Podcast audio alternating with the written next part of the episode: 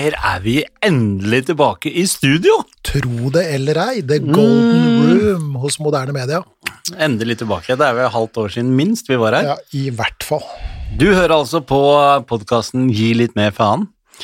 En podkast om livsmestring. En passcast En passcast. om livsmestring. Og nå er vi som sagt da Jeg tar på meg headsetet, så kan jeg høre hvor godt det Mm, det du hører. Oi, det var veldig, veldig Hør deilig. Det er litt rart å ha profesjonell lyd igjen. Jeg tror vi skal være glad for at vi ikke sitter i podmobilen nå, for det pissregner ute. Ja, og det var det vi egentlig hadde tenkt i dag, men eh, det regner så ekstremt mye at jeg hadde bråka det i stykker. Mm. Så derfor så heiv vi oss rundt og dro i lydstudio til moderne media istedenfor. Mhm. Det er litt gøy, da. Jeg syns det er gøy. Det var litt stas å komme Ja, det var tilbake. litt stas. Det var litt stas. Jeg så det på deg. Ha med deg de studioragsokkene dine, har du med i dag. Og, Det er og så kunne du sitte sånn med ordentlig headset og mikrofoner. Ja. deilig. On air står det over døra. Står det over døra også, faktisk. Det har du helt rett i. Jeg syns jeg retter på den sånn der. Så du kan legge deg tilbake i stolen. Så jeg kan sitte godt med beina oppå på en stol, kose meg. Ja, Det er viktig at vi koser oss, for vi lager podkast Vi lager podkast når folk hører på, så håper jeg at de koser seg også. Ja, det håper jeg jo. Så da må vi kose oss. Men vi er altså samlet igjen, det er lenge siden sist. Mm, Det er det. I hvert fall tre uker. Det er det lengste vi har vært fra hverandre, tror jeg, siden vi ble kjent. Mm -hmm. uh, ja, det var en sommerferie, da. Ja, det er sant. Men nei, det er, det er lenge. Så hva har det skjedd noe spesielt i livet ditt siden sist? Nei, igjen så er jo jeg utrolig takknemlig for, eh, for vanlige dager. Veldig glad i det i vanlige dager, altså. Og det er, det er mange vanlige dager for tida, og som sagt, det er det aller beste. Ja, Enn du? ingenting som har skjedd?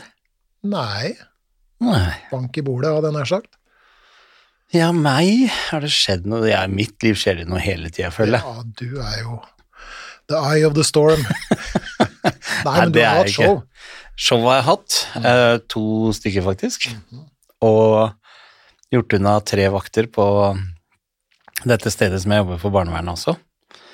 Så jeg har eh, Jeg føler ikke at det har vært vanlig liv siden sist. Mm Er har noe du har vært- lyst til å dele, eller er det annet enn at jeg er eh, Jeg er overveldet over Over hvor annerledes det er å jobbe med andre ting enn det å stå på scenen. Uh, og er ydmyk i forhold til uh, veldig mye jeg ikke kan. Uh, og at jeg har så ekstremt mye å lære, det, det er litt sånn oppløftende, faktisk.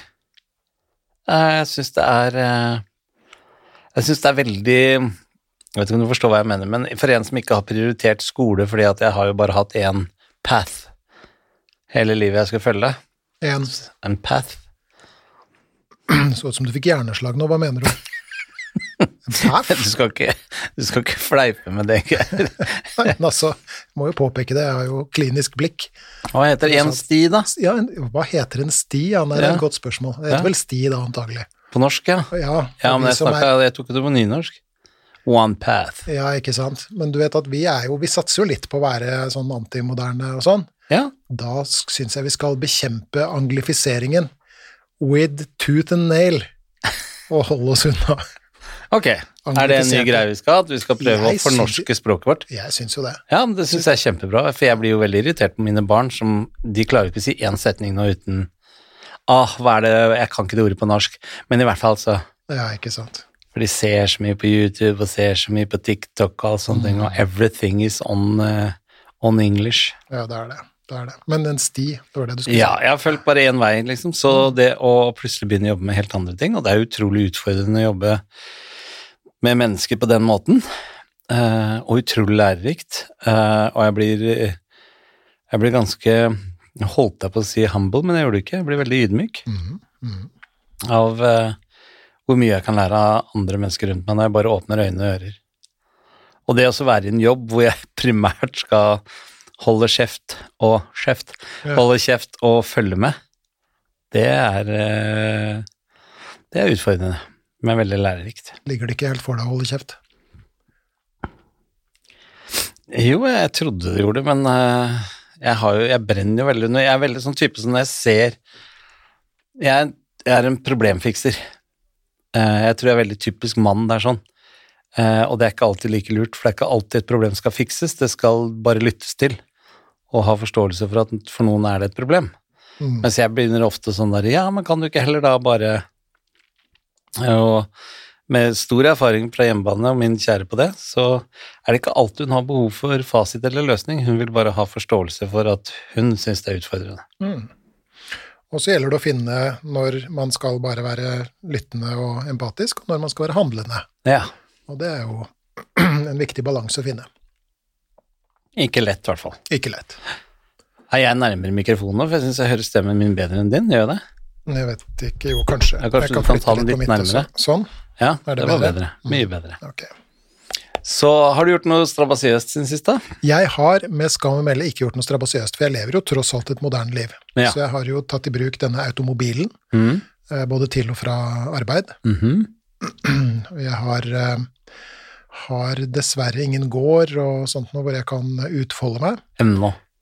ennå. Ja. Men eh, for å være helt ærlig, jeg tror ikke det blir noe av den gården. Jeg Tror du aldri du kommer til å ha en gård? Jeg tror kanskje du kommer til å ha en gård før jeg har en gård. Nei, jeg tror jeg kommer til å ha en gård. Det tviler ikke jeg på. Nei. Men um, en ting jeg har vært veldig bevisst på, økende grad eh, bevisst på, det er dette med å um, redusere bruk av elektroniske hjelpemidler. Ja. Og, og adspredelser, kan vi kanskje si, Mm. eh, i hverdagen. Så jeg tar meg veldig ofte i, og i stadig økende grad, og, um, og liksom fiske etter mobilen i forskjellige sammenhenger. Um, jeg har eh, bevisst unngått bruk av mobil hvis jeg da er alene hjemme. Ehm, jeg tyr heller til en bok. Toalettet.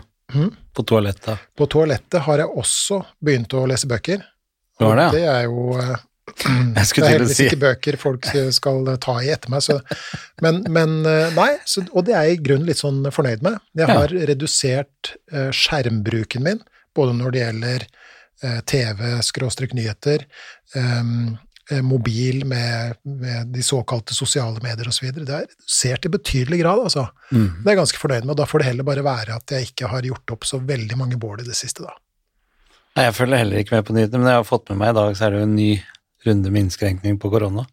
Så vi må nyte når vi sitter her nå, for jeg tror at dette her er siste dagen studiet er åpent på den måten det er nå. Du tenker det?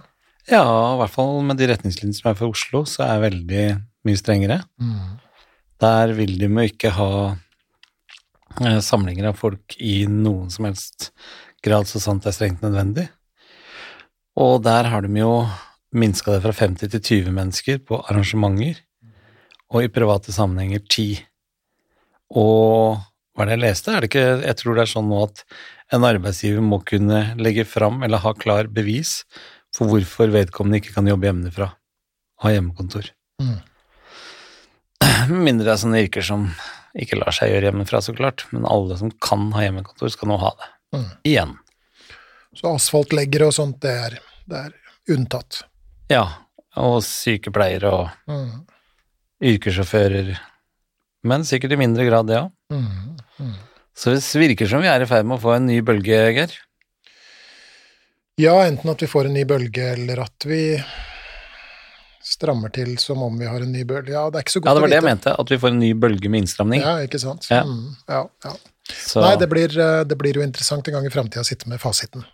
og jeg er veldig glad for at jeg hadde forestilling på lørdag nå, for jeg kunne jo ha inntil 200 gjester i salen. Men framme i dag er det bare 50. Ja. Det hadde ikke blitt så veldig stemning med bare 50. Enda så vil myndighetene at vi skal gjennomføre forestillingene. Og den salen jeg var i på lørdag, det var 120 mennesker, en sal som tar 680. Det er glissent. Ja, fy flate. Det er utsolgt, liksom, og så ser det ikke ut som noen har kommet engang. Mm. Så nei, det er eh, andre tider. Men det var god stemning likevel. Eller? Veldig god stemning. Veldig god stemning, og veldig mye bra tilbakemeldinger. Og bemerkelsesverdig mange som kommenterte at de har hørt podkasten vår. For jeg henger jo en sånn reklameplakat på starten av forestillingen. Mm. Nå var dette her eh, eh, mest sannsynligvis siste forestilling. Eh, med mindre det skjer noe nytt i våren og miraklenes tid ikke er forbi og alt åpner opp og blir som før, så var det Og det kjenner jeg nå mens jeg sier det, da er jeg litt vemodig. Mm. Det Det var jeg. ikke sånn vi hadde planlagt at dette skulle gå. Absolutt ikke. Og det er ikke mange dagene siden jeg fikk en henvendelse fra en dame i Bergen Ja. som eh, gjerne ville ha showet ditt, men eh, nå må vi da vente og se hvordan det går. Det er rett og slett bare ikke Myndighetene har jo ikke fått eh, fingeren ut av den berømte kroppsdelen bak der ennå, så det er rett og slett Jeg har ikke, jeg har ikke penger til å legge ut for det lenger. Mm. Eh, jeg har søkt om kompensasjonsordninger og tilskuddsordninger, men det glimrer med sitt fravær enda.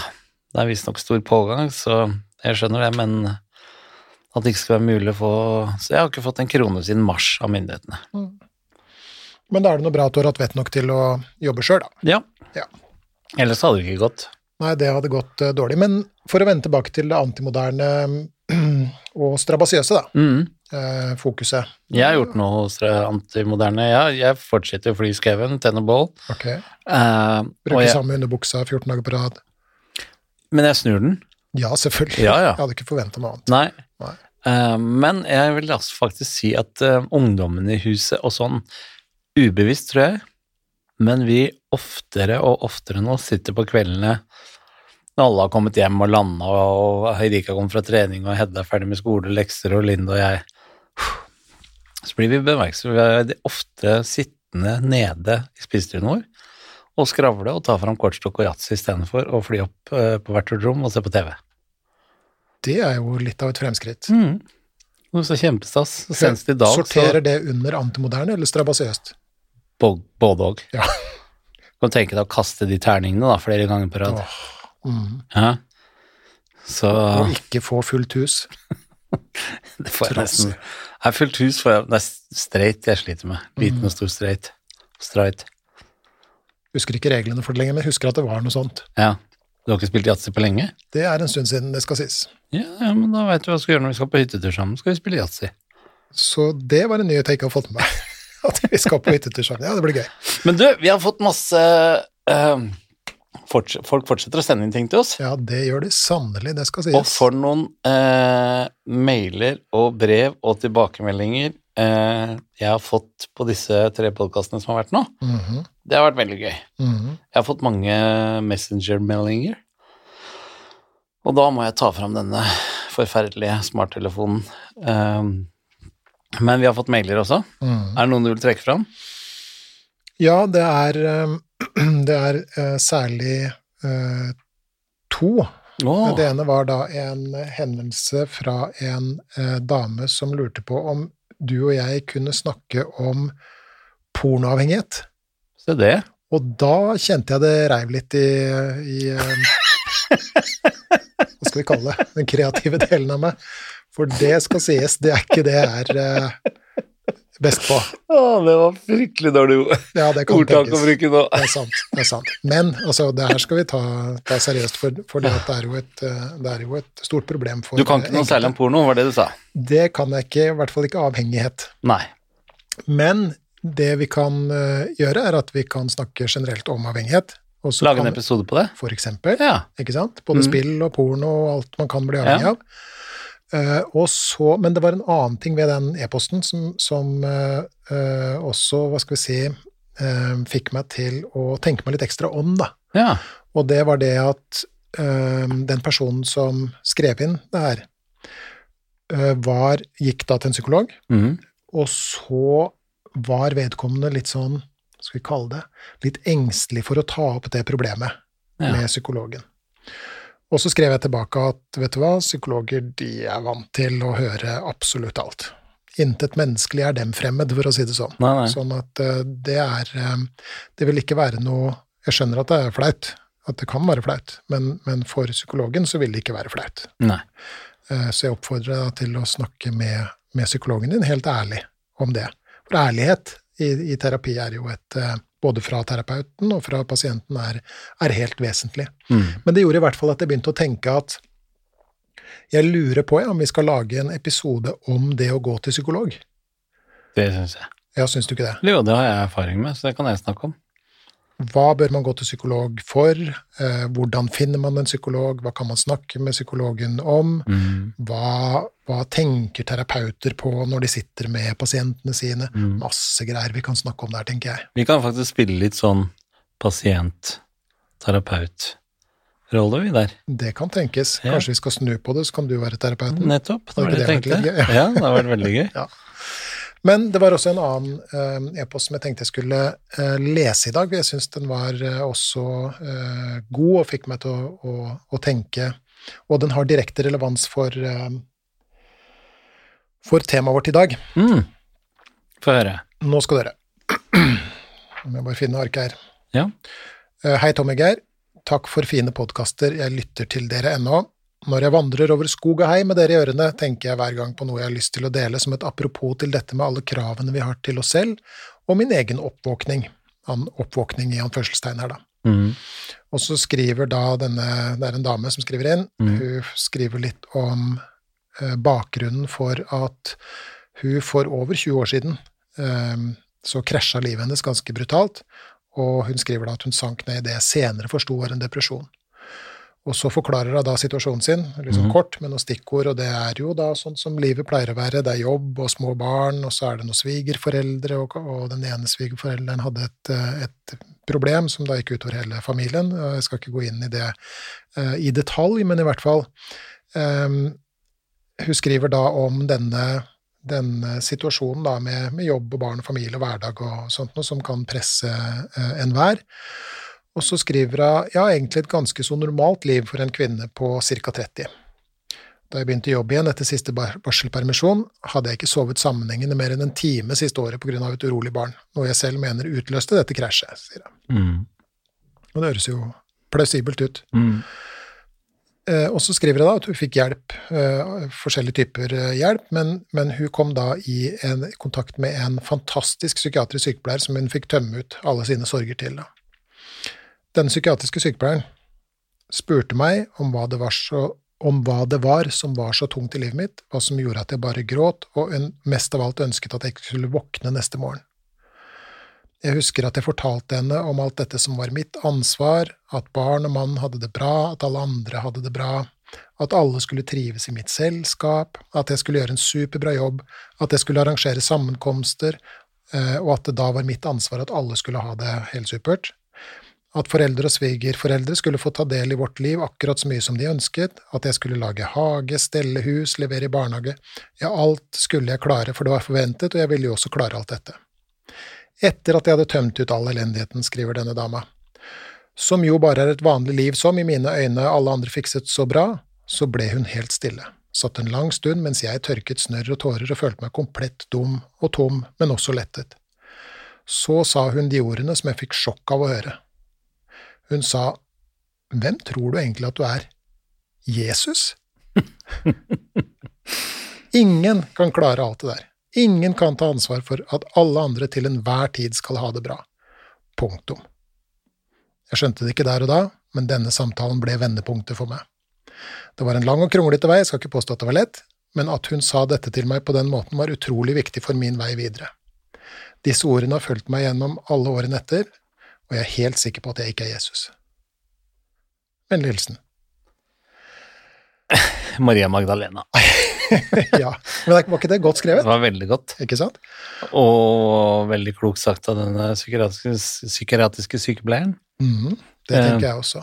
Det er nok mange som går der ute og tenker på at de bør være Jesus.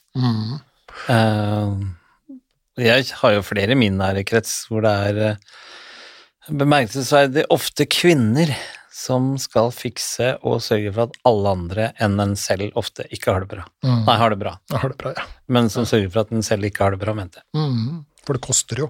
Det er klart det. Vi snakka jo litt om det på, på eh, trinn eh, fem, forrige episode altså. Bruk aldri ordet nei, målet bør være å bli likt av absolutt alle andre. Gjør derfor alt for alle, alltid. Mm. Og i dag, Ja! Tommy Steine, yep. vi har kommet til trinn seks, og siden du også da kommenterte forrige gang, eller faktisk i de siste tre episodene, to-tre episodene, mm. så har du uh, kommentert at dette ser ut til å henge sammen. Ja. Trinnene utgjør en trapp. Så vi skal innom et tema som også er beslekta denne e-posten fra denne dama, som ikke er Jesus, mm. i dag. Trinn nummer seks på tolv trinn til en tyngre tilværelse. Ja, for dette er jo eh, tolv trinn som du har skrevet opp bak i boken, som er en antitese. Ja, det er en slags anti-oppskrift, eller en oppskrift Anti- på hvordan du kan få det verre, hvis du har Ja, lyst. hvis du har lyst til å få det verre. Skal vi bare gå i gang, da? Skal jeg ta trinn nummer seks i dag? Ok, her kommer den. Jeg gjør om stemmen litt så man skjønner at jeg leser opp, da. Er det greit? Ja, det, jeg gleder meg. For enhver pris, unngå å gjøre feil eller ta feil, for da vil alle andre kunne mistenke at du bare er en helt vanlig person. Og det er jo ikke akkurat noe å trakte etter. Og veldig vakkert lest. Var det litt sånn fortellerstemme? Jeg syns det. Og du, vi har jo gjort det sånn i de andre episodene at jeg først eh, sier hvordan jeg tolker det, og så kommer eh, jeg holdt på å si det riktige svaret etterpå, men eller hva som er tanken bak at du har skrevet det. Eh, og jeg tank, jeg, den, ja, den reaksjonen jeg får når jeg har lest Jeg har jo lest denne her mange ganger før, eh, er jo det her med feil. Jeg lagde en forestilling faktisk om dette her Mhm. som var forestillingen før den vi har nå, og det var en forestilling jeg kalte Feildunderlig. Eh, fordi jeg mente at uh, veldig ofte så er vi så redd for å gjøre feil at vi heller ikke får gjort det riktig. Hva, Også- hva, men, hva mener du? Nei, jeg mener at uh, noen, veldig mange av oss, og inkludert meg selv, unngår å gjøre ting eller si ting i tilfelle det er feil. Mm. Og da er det ofte, har jeg opplevd, at det er en større feil. Altså jeg vil si feil anførselstegn, for jeg vil egentlig bruke andre ord. Eh, for hva er feil og hva er riktig her i livet, egentlig? Men eh, eh, vi bruker det nå, da, så man skjønner settingen på det. Så det kan være at ja, det kan være situasjoner hvor man bør si fra for å få en endring på det som enten skjer eller blir sagt, eller situasjonen som man er i. Gi et, et eksempel på det, så jeg skjønner hva du mener. Eh, ja, jeg kan gi et eksempel på For eksempel hvis det er jeg er og ser på et foredrag, da, og den foredragsholderen snakker altfor lavt, så jeg får ikke med meg noe av de tingene han sier. Så har jeg mest lyst til å si kan du snakke høyere, eller kan du skru på en mikrofon, eller kan du gå nærmere mikrofonen? Eh, Men i tilfelle det er et eller annet som hindrer han for å snakke høyere, tenker hvis han har noen sykdom eller sånt, sånn, man begynner å tenke sånne tåpelige ting, så unngår man å si det, og så går jeg heller glipp av et budskap som kanskje hadde vært veldig fint for meg å få med. Mm. Skjønte du? Ja, det skjønner jeg. Ja. Ja, ok. Så, og det er jo et annet godt eksempel er jo at, eh, som vi har brukt veldig mye i podkasten her, er jo at du er jo helt rå på å bruke sånne ord som, som ikke har eksistert så mye i mitt liv før. Ja. Og hvis jeg da skulle vært redd for å spørre deg om de ordene, fordi at det kanskje får meg til å virke som at jeg ikke kan så mye, eller at jeg ikke følger med så mye, så kunne det kanskje vært naturlig av meg å la være å spørre om det. Fordi da kom jeg heller ikke i noen situasjon. der er en eller annen som sa en gang at det er bedre å holde kjeft og la folk tro du er dum, enn å åpne og bevise det. Mm. Så det er en tåpelig ting som har blitt sagt en gang i, i fortiden. Men jeg har jo da med vilje, hver gang det er noe du har sagt, eller noen av gjestene, eller dere snakker sammen på et sånt nivå som jeg ikke forstår så mye av, så vil jeg heller si fra. Mm. Det er jo en god tilnærming. Så sånn tolker jeg den, det trinnet. Bra, ok, ja. Og så er det en ting til som, er, som jeg syns er litt fint at eh, du har tatt med i den setningen der sånn, Mm. og det er dette her med en helt vanlig person. Mm. Nå legger du også veldig vekt på det at det kanskje det er det vi skal etterstrebe, da, å være mest mulig vanlig. Mm. Mm. Mens eh, det kanskje vi Jeg vet ikke hvor det kommer fra, men vi har kanskje vært litt for redde for å være vanlig. Der er jeg er veldig glad for at du eh, fersker den nyansen i det. Ja. det er jo mange komponenter i disse eh, de, er nøye gjennomtenkt, for å si det sånn, da. Ja. Og, og, og består ofte av flere hva skal vi si, delkomponenter. Og dette med å være en helt vanlig person, det har du helt rett i. Mm. Du ble jo intervjua av en herværende avis i forbindelse med oppstart av showet, husker jeg. Mm. Um, en avis rundt dine i hjemtrakter et eller annet sted. Uh, om dette med å være en vanlig At vi må liksom tåle å være litt sånn vanlig. ja, ja. Husker du den Mm. eh, saken der? Mm. Um, og når du tenker på dette med å være vanlig, hva, hva tenker du på da? Å være vanlig, Mm. så tenker jeg på at jeg har brukt altfor mye tid og krefter i mitt liv på å prøve å ikke være vanlig. Um, og fryktet det litt, å være vanlig. Hva, hva har du brukt tid og krefter på å være da, tenker du? Nei, jeg, og i mange tilfeller være noe jeg egentlig ikke er, Okay. er én ting. Eh, jeg vil jo ikke være en vanlig komiker, jeg vil være en ekstraordinær komiker, for eksempel. Helt spesiell. Helt spesiell.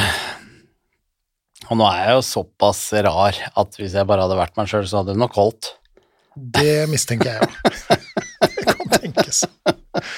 Eh, så når du spør meg om hva jeg tenker på om vanlig, så er det mer mer mot normalt, liksom. Mhm. At man er litt mer gjengs, at man er litt mer som gjennomsnittet. Ja, Men er det noe særlig, da? Ja, nå er- forguder jeg det jo. Hvorfor det? Nei, fordi at uh, uh, mine verdier og de tingene som er viktige for meg, handler ikke lenger om å være så sykt spesiell eller ekstraordinær eller outrert eller uh, tvert imot, hvis jeg bare kan få lov til å være en vanlig pappa i en vanlig familie og tjene vanlig lønn og ha en vanlig ferie og spise vanlig mat, så har jeg det helt fantastisk. For prisen du betaler på å hele tiden etterstrebe det ekstraordinære og det uvanlige og sånne ting, er jo at du blir jo ekstraordinær og uvanlig i begge ender av skalaen. Mm. Ikke sant? Både positivt og negativt. Mm. Eh, så du får de høye toppene, men du får også de dype dalene. Og det jeg tenker, jeg holdt på å si føler, men det jeg tenker, er jo at jo mer vanlig jeg klarer å ha dagene i livet mitt, desto mindre variasjon blir det mellom topp og bånd. Mm. Mm. Og jeg vil ikke være noe sånn derre folk Altså, A4 er jo blitt et skjellsord. Men uh, når jeg har helt vanlige A4-dager, syns jeg det er helt, helt innafor. Og det er jo flest av oss som er uh, A4, Mm. så, så det er jo, misforstå meg rett, det normale. Mm. Men jeg vet ikke hvordan det er med deg, men når jeg ser meg rundt, så blir jeg litt sånn skremt eh, av og til. Og det særlig hvis jeg ser litt på nettopp sånn sosiale medier og sånt Mm. noe, da. Eh, Så, og også hvis jeg er så uheldig at jeg f.eks. står i kassa, altså, sånn som jeg sto i kassa på en herværende dagligvareforretning eh, i dag, eh, og, eh, og skulle kjøpe noen eh, herværende pastiller og en herværende brusflaske, eh, så, så eh, lå det en bunke med dette glansede magasinet Se og Hør Ja. eh, på, altså rett ved kassa, da. ja. Og der er det jo mye greier. Gud hjelpe meg, det er mye greier. Og, og det du sier, dette med å liksom være, ikke være vanlig, men å være spesiell, da, så er det jo Jeg ser jo en del av mine klienter, de kommer jo til meg og er utslett, utslitte av å skulle um, Av å skulle, hva skal vi si da, skjule at de er en helt vanlig person Mm. ikke sant? En helt vanlig person med hemoroider og muffinmage og kviser på ryggen og ikke sant? alt det som kan vederkveges en, eh, en helt vanlig menneskekropp. Mm. Og så forsøker de å være verdensmester i cupcakesbaking og arrangør av barnebursdager og den med de kuleste pynteputene og det siste hva heter det, skjerfet og all verdens greier, ikke sant? Eh, og det som det, Altså denne perfeksjonismen og, og dette forsøket på å skjule at man bare er en vanlig person, da, Mm. det er, det er en slags sånn mestringsstrategi, ikke sant? Ofte så, så finner jeg at det er uttrykk for en slags sånn tomhetsfølelse innafor. Mm. Eh, Det at man fyller, fyller sitt ytre jeg, på en måte, med all verdens staffasje, da. Det er liksom den kuleste jakka, og den kuleste bilen, og de kuleste vennene, og, og det fete huset, og, og alt det der, og så er det ganske tomt og ensomt Mm. uh, innafor. Eh, og det, det ser ikke ut til å være et liv som lar seg leve i lengden, med mindre du er skapt for det, og det er ikke veldig mange som er skapt for det, altså. Nei. For det blir veldig kaldt og tomt for veldig mange. Og det ser du jo bare på alle disse her eh, store stjernene, og du ser biografien og sånne ting. Det er jo krasj på absolutt alle. Mm. Det, det er jo ikke uten unntak selvmord og dop og Det virker jo ikke som det er så veldig mange av de som er veldig lykkelige. Mm, absolutt ikke. Men, men, man trenger jo ikke være så veldig stjerne heller for å, eh, for å kjøre en slags sånn eh, hverdagsversjon av den der litt sånn kjendisstatusen. Nei. For det er jo en del, ikke mange vil jeg ikke si, men, men det er en del, og kanskje en del jeg kommer borti også, som, som kjører den, den stilen der, da. Mm. Så det ene er jo å fylle altså fylle på med sånn ytre greier, sånn at man skjuler den man egentlig er. Mm. Eh, Fordi at man er Eller mange er redde for at hvis andre liksom ser hvem jeg er, eller finner ut hvem jeg egentlig er, så vil de ta avstand fra meg. Mm. Ikke sant? Da vil jeg ikke være elska og sånn. Det tror jeg mange tenker. Ja, det tenker jeg også. Mm. Eh, Og så lar de seg heller elske for nettopp de ytre tingene. Og det, det er som sagt ikke Det ser ikke ut til å være eh, oppskriften på et, et godt liv, da. Og så er det jo dette med å Den andre delen av dette utsagnet her er jo dette med å unngå å gjøre feil eller å ta feil. Og det er jo det at hvis du er Hvis du tar feil, så betyr det jo også at du ikke er perfekt, Mm. på en måte. Og hvis du tar feil, så betyr det at du er vanlig, og hvis du er vanlig, så kan du bli åpen for kritikk. Du kan bli kritisert. Mm. Og mange syns at det er utrolig vondt. Mm. Det å, å skulle få kritikk for noe man har gjort, eller noe man ikke skjønte, eller, eller i verste fall den man er. Da. Mm. Uh, og da bruk, er det mange som um, uh, bruker mye tid på å uh, skjule akkurat det. Og hele tida skulle være den perfekte den perfekte utgaven av seg selv, liksom. Mm. Og jeg regner med at du har sett litt av det i din kjendisverden også. Veldig. Og ikke minst kjent på det sjøl. Det, det, det, det høres ut som du sitter og beskriver meg. Ok. Det gjør jo det. Mm. Jeg også trodde jo det Der har vi vel sagt i noen av episodene før også, men jeg var jo helt overbevist om at hvis alt det ytre var på plass, og i en ekstraordinær utgave, så oppfattet folk at jeg hadde enorm suksess. Og hvis jeg hadde enorm suksess, så måtte jeg jo være en flink, dyktig, hashtag eh, perfekt fyr. Mm. Men det er i hvert fall ikke oppskriften på lykke for meg. Nei. Det har jeg fått bitt Jeg har vært såpass privilegert, som jeg sier, da, at jeg har hatt muligheten til å kunne oppleve det Mm. eh, og finne ut av det. Mm. Eh, og jeg hadde nok ikke vært der jeg er i dag hvis jeg ikke hadde gitt gas og prøvd det. Mm. Men uh, det var veldig vondt i begynnelsen å finne ut at det ikke var det som mangla. Hvordan fant du ut av det, da? Nei, jeg kjente jo at jeg blei jo ikke noe mer rolig. Hadde fortsatt uro inni meg. Hadde like kort lunte til tider. Eh, og disse tingene som jeg kjøpte og investerte i og sånne ting, var veldig sånn kortvarig lykke. Eller ikke lykke engang, men det var kult der og da. Så jeg blir litt sånn når jeg ser folk kjøper seg nye og dyre biler, eksempel, nå, så tenker jeg sånn Det gjorde jeg også en gang. Men nå har jeg ikke det behovet lenger i det hele tatt. Mm. Jeg er fortsatt eh, opptatt av komfort og trygghet og sånn. Jeg sier ikke det at jeg helst kjører en boble fra 57. Det er veldig mye kule bobler fra 57. Det er det, og det er veldig kult å kjøre på utstilling og kjøre rundt i byen på fine sommerdager. Men når du skal kjøre Oslo-Namsos-Oslo på et døgn, så er det ikke så gøy med boble fra 57. Det kan tenkes. Når du møter eh, kritikerstore monster-trailer fra Øst-Europa med tømmerlass, da har jeg ikke lyst til å sitte i en boble. Nei, det er eh, for så vidt forståelig. Ja. Men det er På meg så virker Altså, det er mye Jeg snakka med en fyr en gang som er litt sånn inne i de der miljøene, da. Mm. Eh, og så ser jeg herregud, så mye sant? folk kjører de feite bilene, sant? svære firehjulstrekker, og de har liksom cabincruisere og sånt. Og så da sier han aner ikke hvor mye lånte fjær det er der ute. Og da får jeg også samme ehm, samme tankene, da. Mm. Det her med å liksom å, å, å, fylle på som et slags sånn derre festningsverk rundt det, Mm. ikke sant. Og så slår det meg også at det liksom det virker så det virker så slitsomt. Mm. Det virker som at det er litt sånn styrete, på en måte, for at det er så mye å holde styr på hele tida, da. Istedenfor å, å være denne vanlige personen, ikke sant, som, mm. som lever dette vanlige livet. Da er det liksom ikke så mye å holde styr på lenger.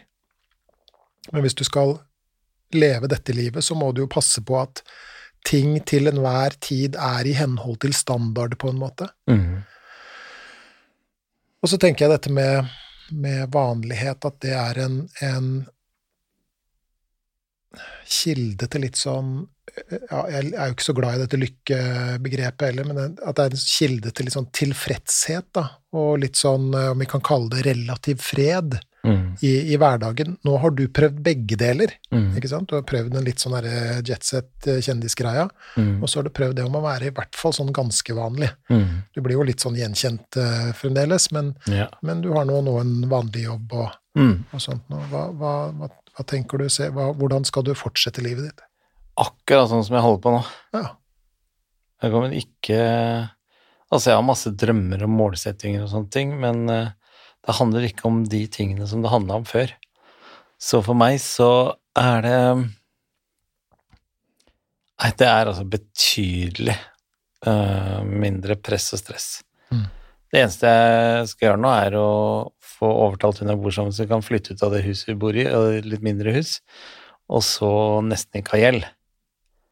Sånn at jeg kan dra sammen med deg på camp i 20 dager og skrive og eh, kose oss og gruble og finne ut av ting og sånne ting, uten at jeg må tenke på herregud, jeg må, jeg må få inn så og så mye penger hver måned for å betale regningene. Mm. Så noe vil jo alltid være der, så jeg sier jo ikke at uh, um, Men det er det eneste. Ellers så er det er det nok uh, Det er utrolig givende, den jobben som, som jeg jobber i, i på den institusjonen. Ekstremt krevende, men veldig givende. Og flere sånne ting Jeg snakker Det er flere og flere som henvender, meg, henvender seg til meg, så jeg kan ja, fortelle om det jeg har erfart og lært, da. Og at det betyr noe for de. Det syns jeg er uh, utrolig givende. Så vi har jo bare ett mål, du og jeg, og det er å sørge for at uh, jorda er bitte litt bedre når vi drar enn når vi kom. Mm. Så det er egentlig det målet jeg har. Uh, og så Og så har jeg bare lyst til å ha mye mer råderett over tiden min. Det er liksom det jeg strekker meg mest etter nå. Mm. Ikke, å, ikke noe spesielt jeg vil kjøpe meg, ikke noe spesielt Jeg vil bare ha mer råderett uh, over tiden min. Det er liksom det jeg ser på som den nye, store kapitalen min nå. Ja, det syns jeg var veldig klokt sagt. Ja. Igjen en kjøleskapmagnet der, altså.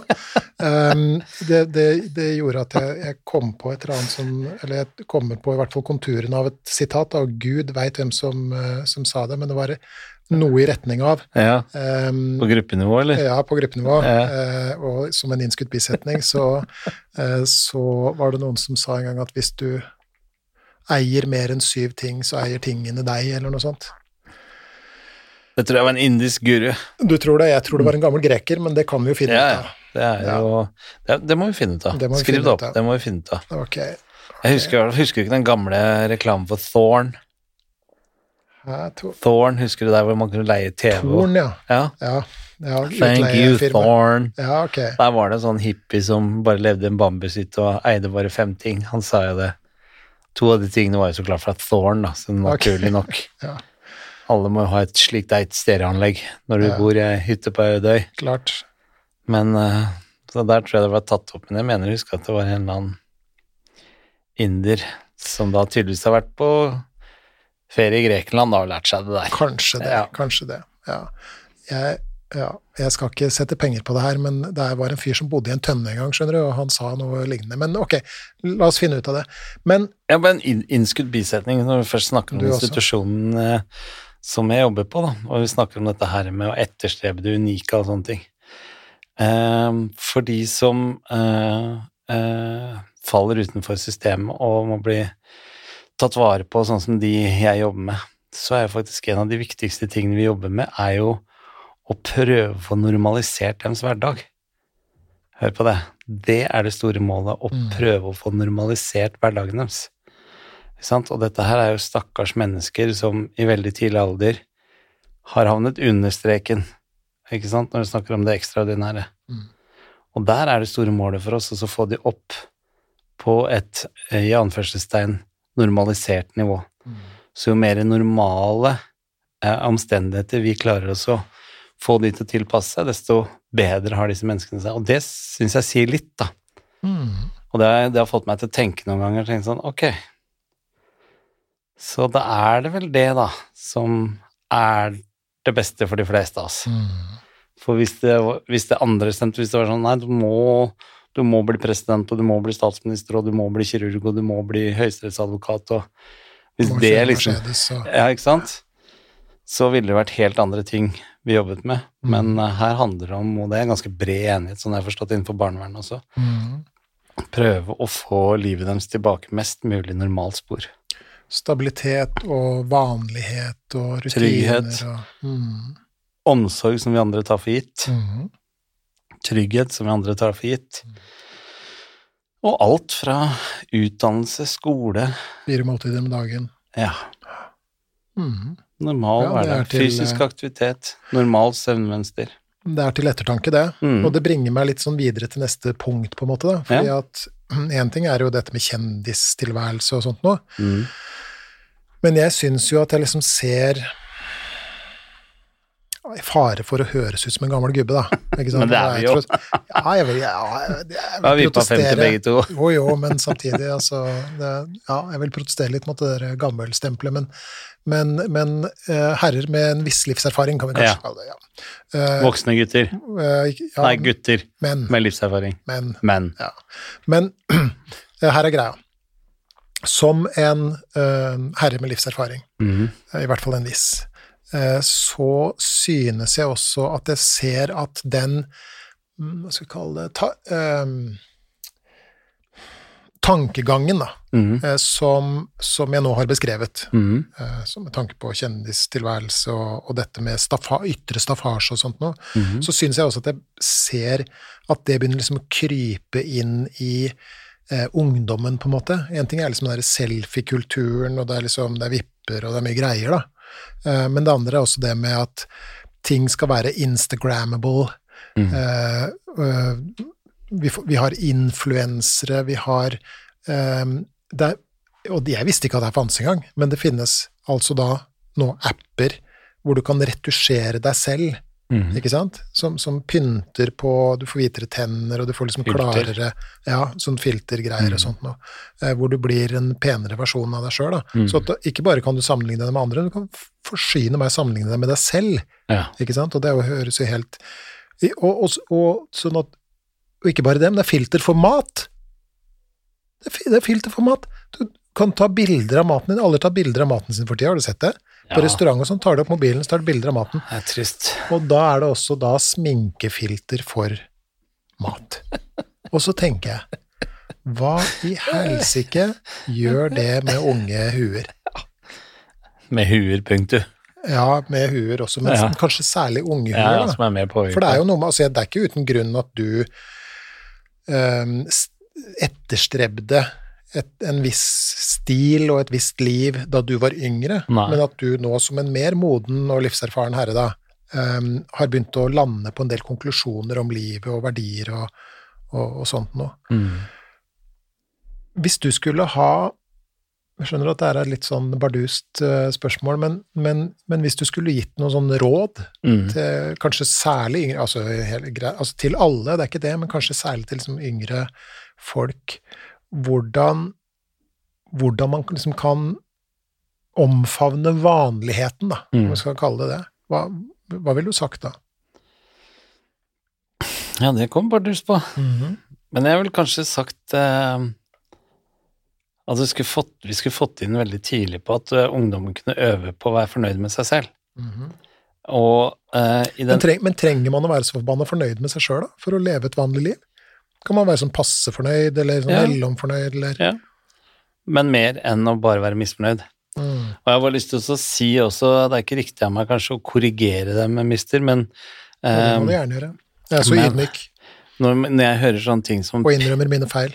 penere utgave av seg selv, så får jeg litt sånn Åh! Okay. For hvem er det som bestemmer at det er penere? Ja, det er jo disse filterne, da. Ja, men jeg mener jo at en person sånn som Jeg tenker fort på min datter eller på, på min kjære, liksom. Jeg syns jo de er som vakrest jo mer naturlig de er. Og så vet jeg det er mange som syns det er flott at damene sminker og sånne ting. Det må de gjerne gjøre til fest for å føle seg vel. Men jo mer vanlig det er, desto flottere syns jeg de er, da. Mm. Men eh, til ungdommen som eh, tips og råd til de, ja, hvordan hm. Jeg er nesten jeg må tygge litt på. Må, eh, hva er det du tenker at jeg skulle I hvilken retning, liksom, tenker du?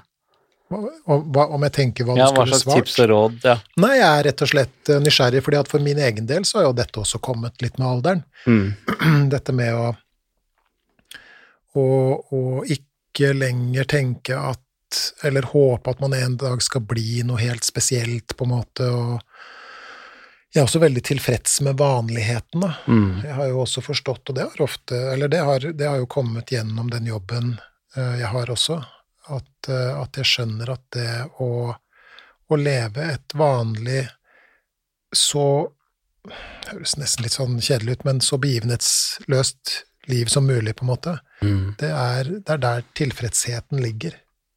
Eh, fordi at det er, det er så lite anstrengende. Ikke sant? Ja, kanskje si som jeg sier til min datter også, så sa jeg ta, bruk litt tid på research på disse her som, som tilsynelatende har det så sinnssykt bra. Mm. Disse som uh, har syv millioner følgere på Insta og 22 på YouTube, og begynner å gjøre litt research og se hvordan har de det egentlig. Mm. Er de giftelig lyk lykkelig gift? giftelig lykk? Mm. Er de lykkelig gift med samme kone eller mann nå fremdeles etter 30 år? Eh, har det barn eh, som eh, vokser opp i normale forhold? Hvordan er forholdet deres til rus? Hvordan, er, hvordan går det med disse her gigastore forbildene? Det er jo mange som kommer ut i etterkant og, og sier at da jeg var på min topp, for eksempel, så, så lå jeg og rista av angst i, i senga mi. Det er en høy andel. altså. Det er en høy andel. Mm. Og som sagt, vi, vi, eh, vi har en ambisjon, vi har sagt det før, men det er verdt å gjenta, vi har en ambisjon om å få til en eller annen sånn kjendisspesial. Mm. Det hadde vært litt gøy. Jeg skal ta gjøre litt sånn øh, Skal ta med meg det spørsmålet der, sånn, ja. Eh, men sånn på stående fot så vil jeg jo anbefale de eventuelle unge der ute, eller foreldre til unge, også, så ta så sjekk litt. Mm. For jeg tror ikke det er så veldig mange av de som har det bra. Mm. Det tror ikke jeg heller. Og er du da lysten på å være totalt rusavhengig og må på rehab ti ganger i året for å kunne stå på en scene foran 2000 stykker som skriker, er du villig til å betale den prisen? Mm. Mm. Det er et godt spørsmål. Og det er et spørsmål vi bør eh, finne ut av. Ja. For det er jo tross alt mange uh, av de som vi velger å kalle kjendiser, som uh, har vel hatt, fått en del opplevelser i bagasjen som gjør at de etter hvert begynner å bli ganske reflekterte, Mm. og som jeg tror kan ha noe å fortelle oss. Vi burde ha med en gjest her, til. Det tror jeg også, eller to for den del. Ja, eller to òg, Mm, mm, som har reflektert. Og så har jeg lyst til å legge, legge til også at når vi snakker om dette her med feil, og at eh, folk er redd for å gjøre feil, så må jeg da vitterlig si at samfunnet gjør jo jaggu sitt med oss til at vi oppfatter det som det å gjøre feil er det farligste som kan skje. Mm -hmm. alt fra politikere til media til reklamekampanjer til filmer, så dreier det seg om veldig mye eh, at gjør du feil, så har du tapt. Ja. Eh, Det er et godt poeng. og det er jeg ikke enig i. Mange av de feilene jeg har gjort, har ført til at jeg har vunnet. Mm. Så eh, jeg er mye flinkere i dag til å ikke være redd for å gjøre feil, enn jeg bare var for fem år siden.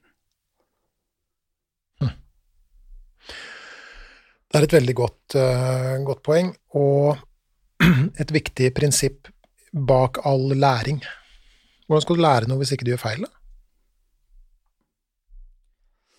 Nei, det er uh, Det vet jeg ikke. Stå på glattkjøringsbanen, for eksempel. Da. Mm.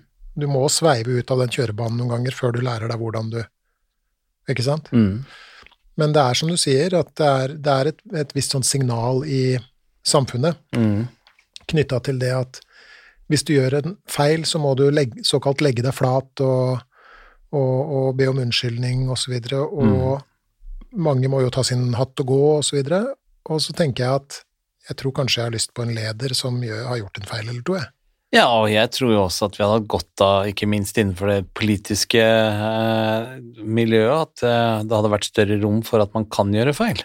Mhm. Og at man ikke skal eh, totalt eh, karakterdrepe enhver som sier eller gjør en feil. Mhm. Og jeg syns det er rart også, fordi at jeg veit at ingen av de som er våre ledere, eller som er våre folkevalgte, ingen av de er feilfrie. Absolutt ingen.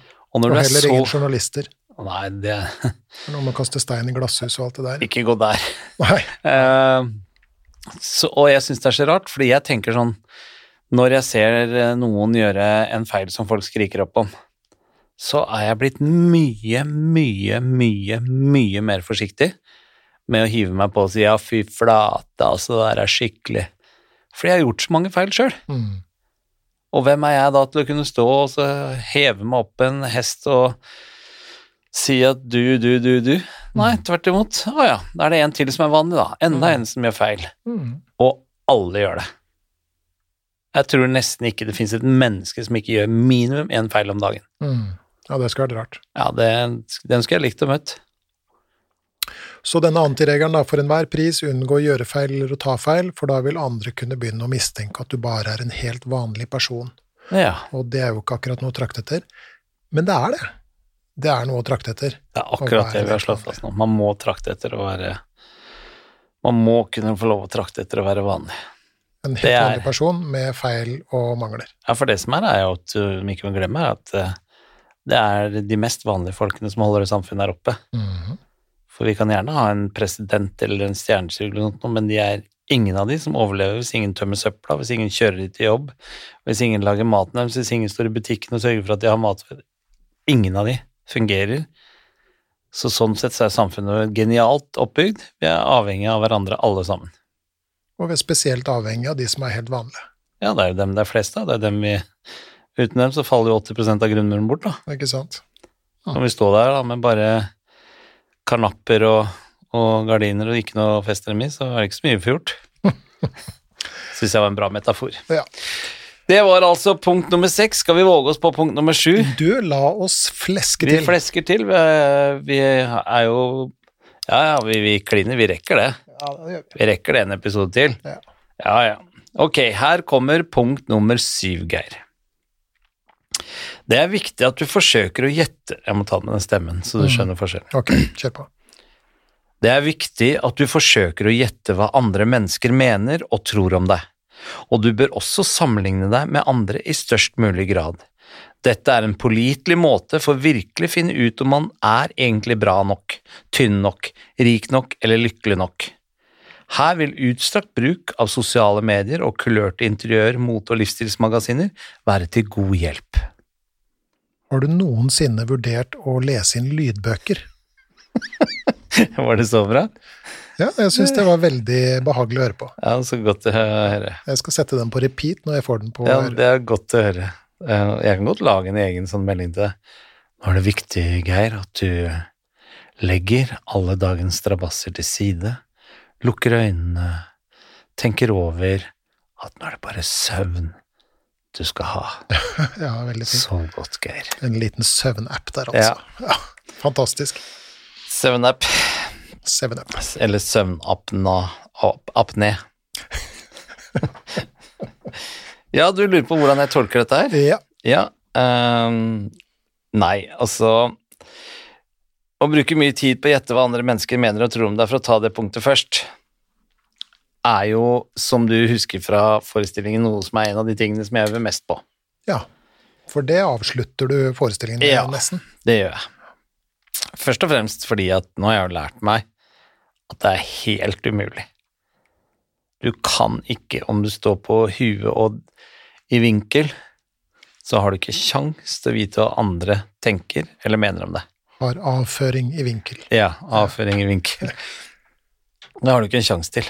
Selv om du spør de, så kan du ikke være garantert 100% riktig svar. Så det er jo å bruke veldig mye tid og krefter på noe du ikke klarer å oppnå.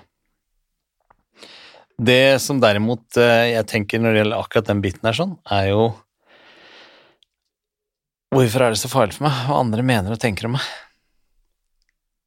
Da handler det om at jeg er usikker på eh, hvordan jeg er, og hvordan jeg fremstår, og om det er riktig.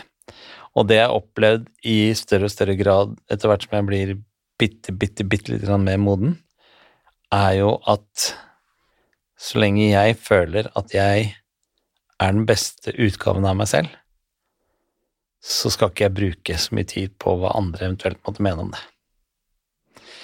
Kloke ord der, altså. Eh, og det andre, sammenligne med andre i størst mulig grad, er også et, et, et ganske Jeg får mye latter på det punktet på forestillingen, men jeg mener også fordi at i eh, Det er helt naturlig at vi sammenligner oss med andre. Vi er et flokkdyr. Så det at vi eh, sammenligner oss med andre for å finne ut litt sånn hvor i flokken er jeg, er jo en helt vanlig og en naturlig ting å gjøre. Og står i fare for å bli utstøtt av flokken. Ja, og det er helt vanlig. Det ligger i vår natur at vi ønsker å tilhøre flokken. Eh, og vi får, har jo hørt nok historier om at ensomhet er noe av det verste for, for oss mennesker.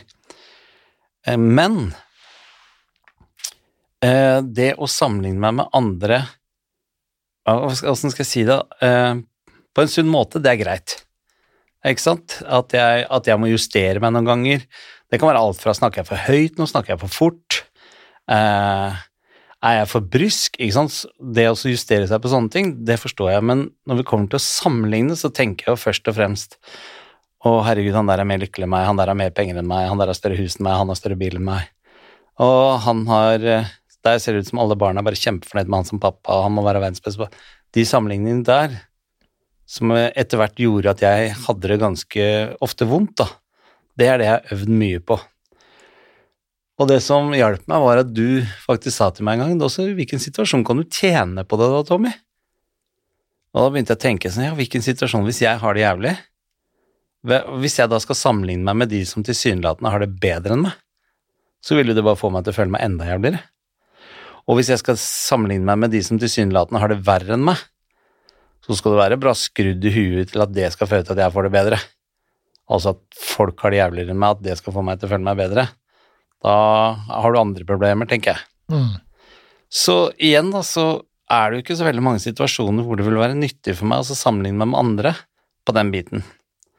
Så derfor så, um, så konkluderer jeg med det at jeg øver i hvert fall hver dag på å i mindre grad sammenligne meg med andre på den usunne sammenligningen. Skjønner du hva jeg mener da? Mm. Sånn usunn mm. sammenligning. Mm. Uh, og ikke sant, bra nok, er jeg bra nok? Er jeg tynn nok? Er jeg rik nok? Er jeg lykkelig nok? Uh, så syns jeg det som er uh, er et, ord som, som, klinger veldig for meg i den setningen der, er, er det nok? Og så for hvem bestemmer når nok er nok, da? Hvem, hvem, har satt definisjonene? Ja, ikke sant. Mm. Og til syvende og sist er det jo jeg sjøl som har satt de. Mm. Ikke sant? Jeg, jeg, det, er jo, det, er jo, ingen som har Altså, i noen tilfeller så blir man Vi har snakket om det her i en tidligere episode, så kan man jo bli pålagt en del av de tingene fra ytre. Mm. Men nå tar jeg dette her for hvordan jeg selv føler meg eh, kontra. Og det er det jo da um, vel ofte jeg som har pålagt meg de forskjellige verdiene som jeg skal måle meg og strekke meg etter. Så det er du som har, har definert de, de, den cutoffen, for mm. å bruke et uh, engelsk ord igjen. Ja. Og uh, som vi også har sagt i en tidligere episode, er jo at for meg så handler det da om at det å evaluere disse bra nokkene, disse lykkelige nokkene, riknokkene, alle disse nokkene, det å av og til stoppe opp og evaluere de, er dette en standard som jeg har satt sjøl? Eh, er det en standard som tjener meg? Eller er det en standard som, som eh, skader meg? Mm. Og det har gjort at jeg har måttet justere mange av disse nokkene. Og til slutt, altså, sosiale medier, kulørte interiør, mote- og livsstilsmagasiner, det Der skal jeg passe meg, for av og til så benytter meg anledning til å putte meg der, så jeg skal ikke si for mye om det, men eh, jeg håper i hvert fall ikke det er veldig mange mennesker der ute som eh, bruker det som en målestokk, de bladene og bloggene og vloggene og influenser og ukebladene og TikTokene og Instagrammen og Jeg håper at folk i større og større grad kutter ut å bruke det som en målenhet. Jeg har jo gjort det helt. Mm. Mm. Ja, jeg tror nok at, eh, at det dessverre skjer ennå. Det er ikke uten grunn at influenserne har 18 millioner følgere. nei, nei, nei. Det er ikke uten grunn at Se og Hør fremdeles pussig nok selger som hakka møkk. Eh, selv om det er trykt på glanset papir og ligger eh, i kassa på en herværende dagligvareforretning. Det er godt å se da at det er en sånn 60-70% nedgang. Jo, jo, det er jo, det er jo greit nok, men, Ja. men det er jo alle de andre mediene som har overtatt, da. Ja. Instagram, for eksempel. Um, uh, som, og, og ja, som du sier sjøl, da, TikTok osv. Uh, det snedige er jo at dette ligger jo i oss, ikke sant, og du snakker om å sammenligne seg oppover og nedover og sånn. Veldig god redegjørelse, satt jeg og tenkte på. ah, ja. Så jeg følte meg nesten litt sånn overflødig. Ah, ja. Og det er jo litt uh, artig. Um, men, Tusen men, takk. Jo, vær så god. Det er Ja. hyggelig. Sliter med helsa, som du sier. Men, men um, hvis du Altså, det å sammenligne seg oppover, det er det jo ikke bare vi som gjør. Fordi at hvis du tar en uh, apeflokk og viser dem uh, bilder av andre aper, så uh, dveler de lenger ved bildene av høyerestående eh, aper, altså de, de apene som er over dem i hierarkiet, da, enn de gjør ved bilder på aper som er like som dem, eller er under dem. Og, og så kan man jo spekulere på hvorfor, men det er slags sånn der, Det er et slags ideal der, da. Et, et idol som man strekker seg etter. Tenk hvis jeg kunne Altså ikke at aper har de kognisjonene, det er ikke det jeg sier, men, men at vi, vi projiserer oss inn i andre og tenker sånn Ja, jeg kunne kanskje vært sånn, og tenk hvis jeg hadde fått det sånn, og lurer på hvordan livet mitt hadde blitt, og, og hvis man er på et litt dårlig sted, så er det jo lett å tenke at da ville det jo blitt så mye bedre. Mm. For disse personene smiler jo med kritthvite tenner, og alt ser helt eh, ok ut, ikke sant? Eh, men du har, du har rett, også i dette trinnet så er det jo flere komponenter i, i sving, og det ene er dette med, med sosial gjetting, ikke Mm. sant? Um, sosial gjetting eh, av typen eh, hva, hva tenker andre om meg, og det har vi snakka mye om. Mm. Det, er jo, det er jo selve kjernen til sosial engstelse, eller i verste fall sosial eh, angst. Mm. Det å, å forsøke å finne ut hva andre tenker, tror, mener og synes. Det bruker vi jo en del tid på. Og da er det jo som du sier, da er det jo eh, kroppsspråk, blikk, eh, stemmebruk, hva som sies, hva som ikke sies, eh, hvorvidt vi er inkludert eller ikke. Det er jo det vi er på jakt etter, ikke Mm. sant.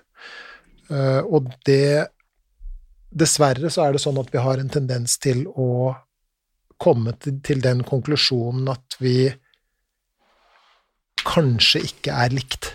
Ja. At vi står nettopp i fare for å bli veid og funnet for lett, da, og skjøvet litt ut på sånn sidelinja, og i verste fall helt ut av flokken. Mm. Og er det noe som er ille for en primat som oss, så er det, så er det å bli, bli bannlyst fra eh, flokken. Og så er det det andre, dette med litt sånn eh, Det ligger for så vidt litt i i, eh, i, i, i Hva skal vi kalle det? I konseptet, på en måte, da. Men det er dette med sosial eh, sammenligning, Mm. eh, type ja, sammenligne sin egen status med andres status. Og det er jo ingenting som er en større kilde til, til usikkerhet enn en akkurat det. For vi kommer jo aldri fram til noen konklusjon, ikke sant? Den beste måten å bli, få det helt for jævlig på, er jo, unnskyld fransken, er jo, å, er jo å spørre seg selv er jeg egentlig lykkelig nok? Mm. Ikke sant? Begynne å gå inn i den der materien der. For igjen, da, sånn som du sier, hva er, hva er standarden? Mm. hva, hvem, har, hvem har satt definisjonene? Eh, og setter jeg definisjoner som er gode for meg? Og det er jo litt sånn kult å høre deg si at det har du tatt noen vurderinger på, da. Mm. Er dette definisjoner som jeg har lyst til å bære med meg videre i, i livet mitt og hverdagen? Og det er jo helt opp til deg, og det mm. står jo virkelig i din makt å å- å- å komme med de definisjonene, på en måte. Og, og nettopp denne instakulturen, den, den innbyr jo oss til sammenligning. Det er jo det som er hele psykologien Mm. i det her. Ikke sant? Det er jo det som driver hele den multimilliardindustrien som de sosiale mediene er, for, er da. Mm. Eh, og som før eh, drev eh, de kulørte magasinene også. Det å smøre opp Gwyneth Paltrow på forsida med, med igjen kritthvite tenner og perfekt hud og si 'slik ble jeg lykkelig'. Eh, det, de vet jo hva de driver med. De vet at vi har en tendens til å sammenligne oss med andre. Og de vet da at den usikkerheten gjør at vi kjøper akkurat det magasinet, eller at vi abonnerer på akkurat den Instagram-kontoen, ikke sant. Og det her, det her Vi skal ikke tilgi dem, for de vet hva de gjør.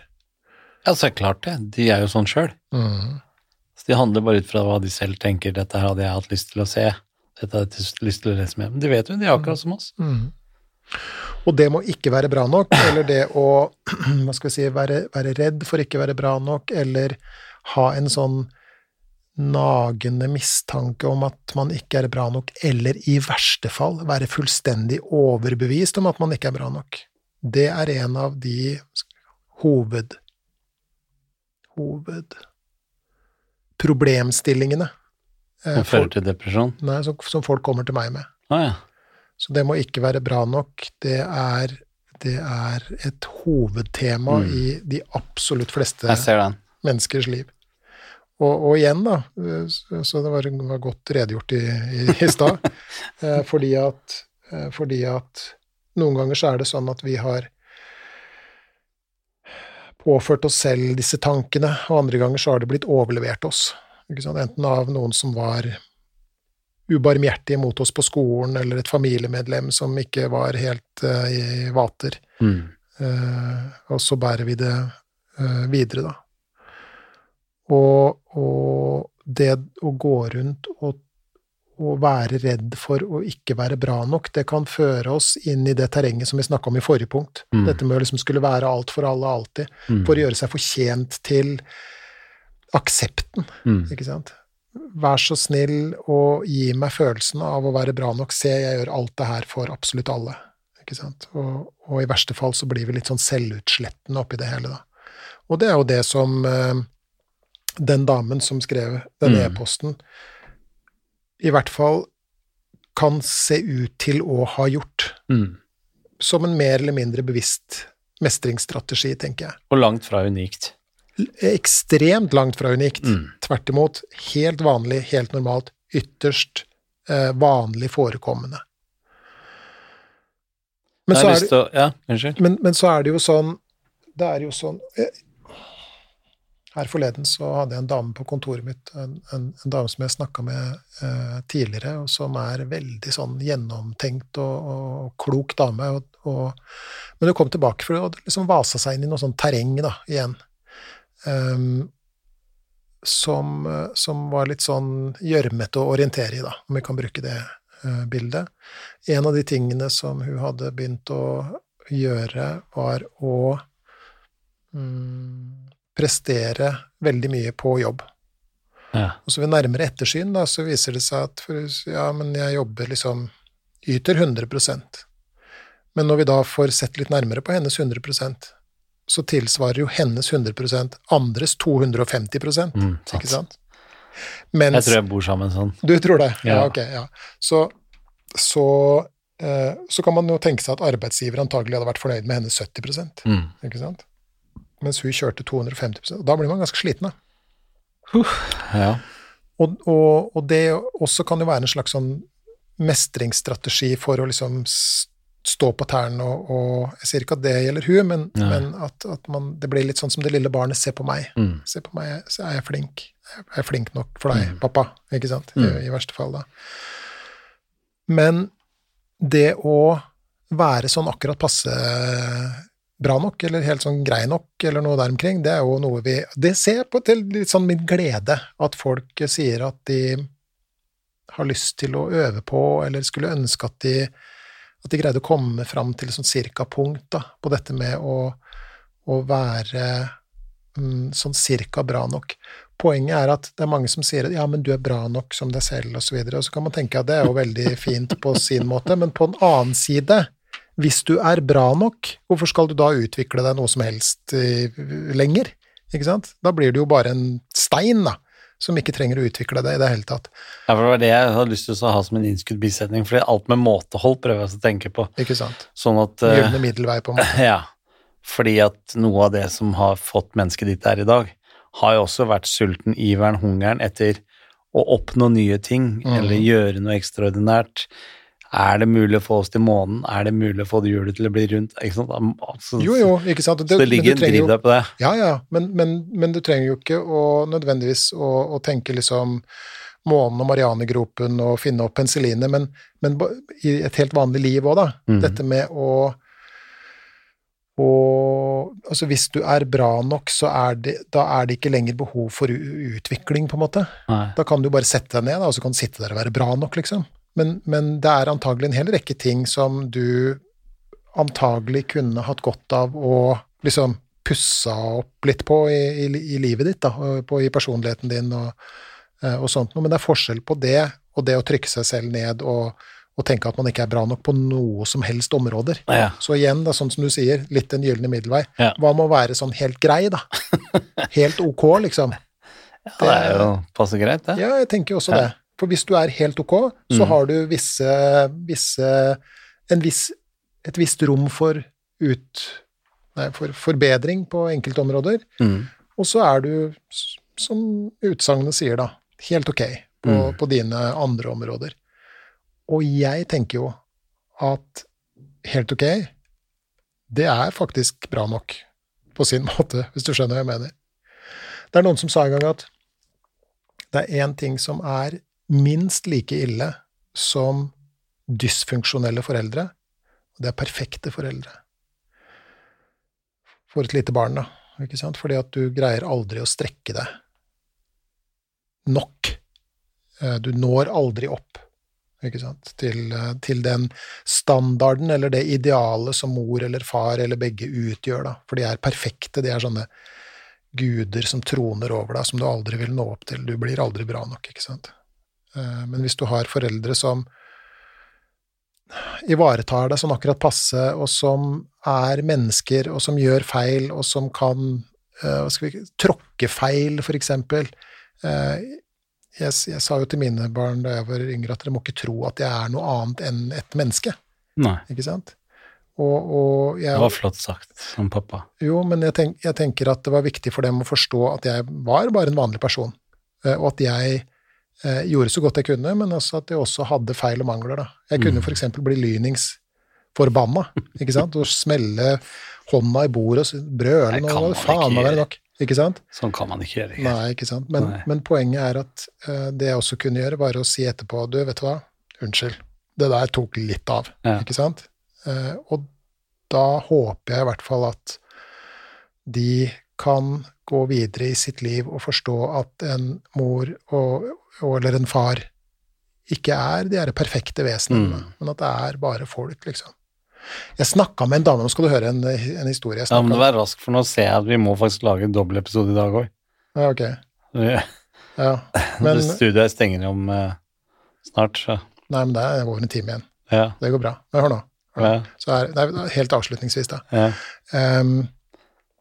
Jeg snakka med en, en, eh, en dame en gang som skulle fortelle meg da hun Eller et, et av de verste tingene hun hadde opplevd, på en måte. Og det var da hun var ganske liten, så, så skulle familien på tur. Og så hadde far Og det var på den tida hvor man stabla bagasjen på taket av bilen, vet du. Mm. Og så skulle de, på sommerferie da, så skulle de rygge ut av garasjen. Men det far hadde gjort, var jo at han hadde stabla alt for høyt, sånn at da, man, da han rygga ut av garasjen, så ble jo all bagasjen dratt av bilen, Ja. ikke sant, og havna ikke sant, på, ut på frontruta og, og trilla ned og sånn som det er. Og da sier denne personen, det var ikke en, var ikke en pasient, det var en, en, en bekjent, så, som sa da forsto jeg, og så var det litt sånn bevring med underleppa og litt sånn tårer i øynene, da, at min far var bare en vanlig person. Oi. Så tenker jeg, og da var hun kanskje 15-16 år eller sånt nå, og så tenker jeg det var litt seint Ja. å oppdage at faren din bare er et vanlig menneske. Bedre sent enn aldri, selvfølgelig, så er det ikke noe med det, men, men jeg tror at foreldre gjør klokt i å vise barna sine at man er Vanlig.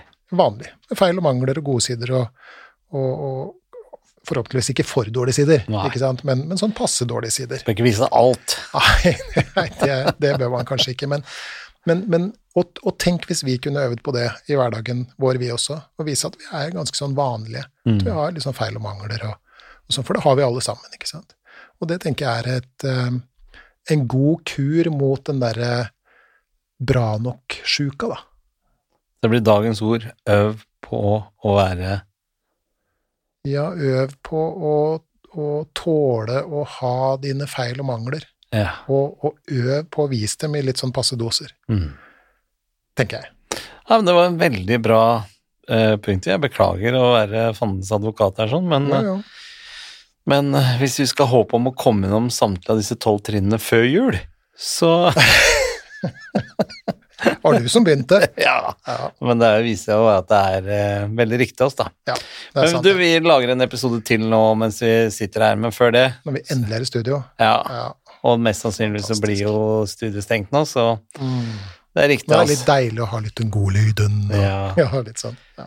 Så Men det har ikke blitt så verst i bobilen heller. det har vært veldig bra, Ja, men ikke i regnvær. Det Ikke da går det ikke. går, det går i dass. Så vi må se åssen det er neste uke, om vi kan Vi burde finne et eller annet tak, tenker jeg. Ja, ja. Ja.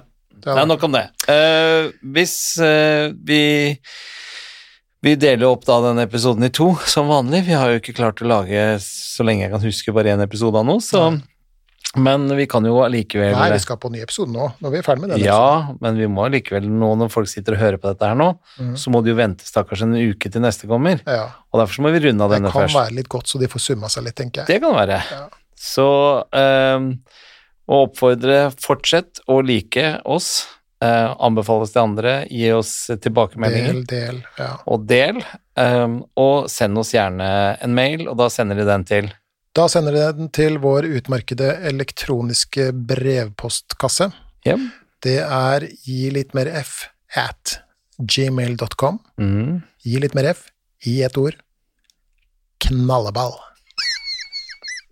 Punktum com. Og så må jeg Du klarer å få meg til å le hver gang.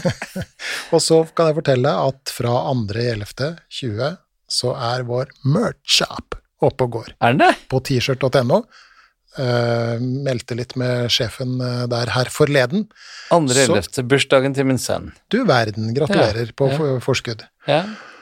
Hvis noen har lyst til å, å hva skal vi kalle det da, støtte denne podkasten, for den er ikke billig å lage, Nei. så må du gjerne handle en liten Gå inn der og handle julegaver. Ja, det hadde vært noe. Ja. Det hadde vært noe. Ordentlig julegaveshopping der. Ja, gjør det. T-shirt.no, altså. T-shirt.no. Eh, vi ses snart igjen, da, Geir. Ja, det skulle ikke forandre deg. Tusen takk for i dag. Ha det. Ha det.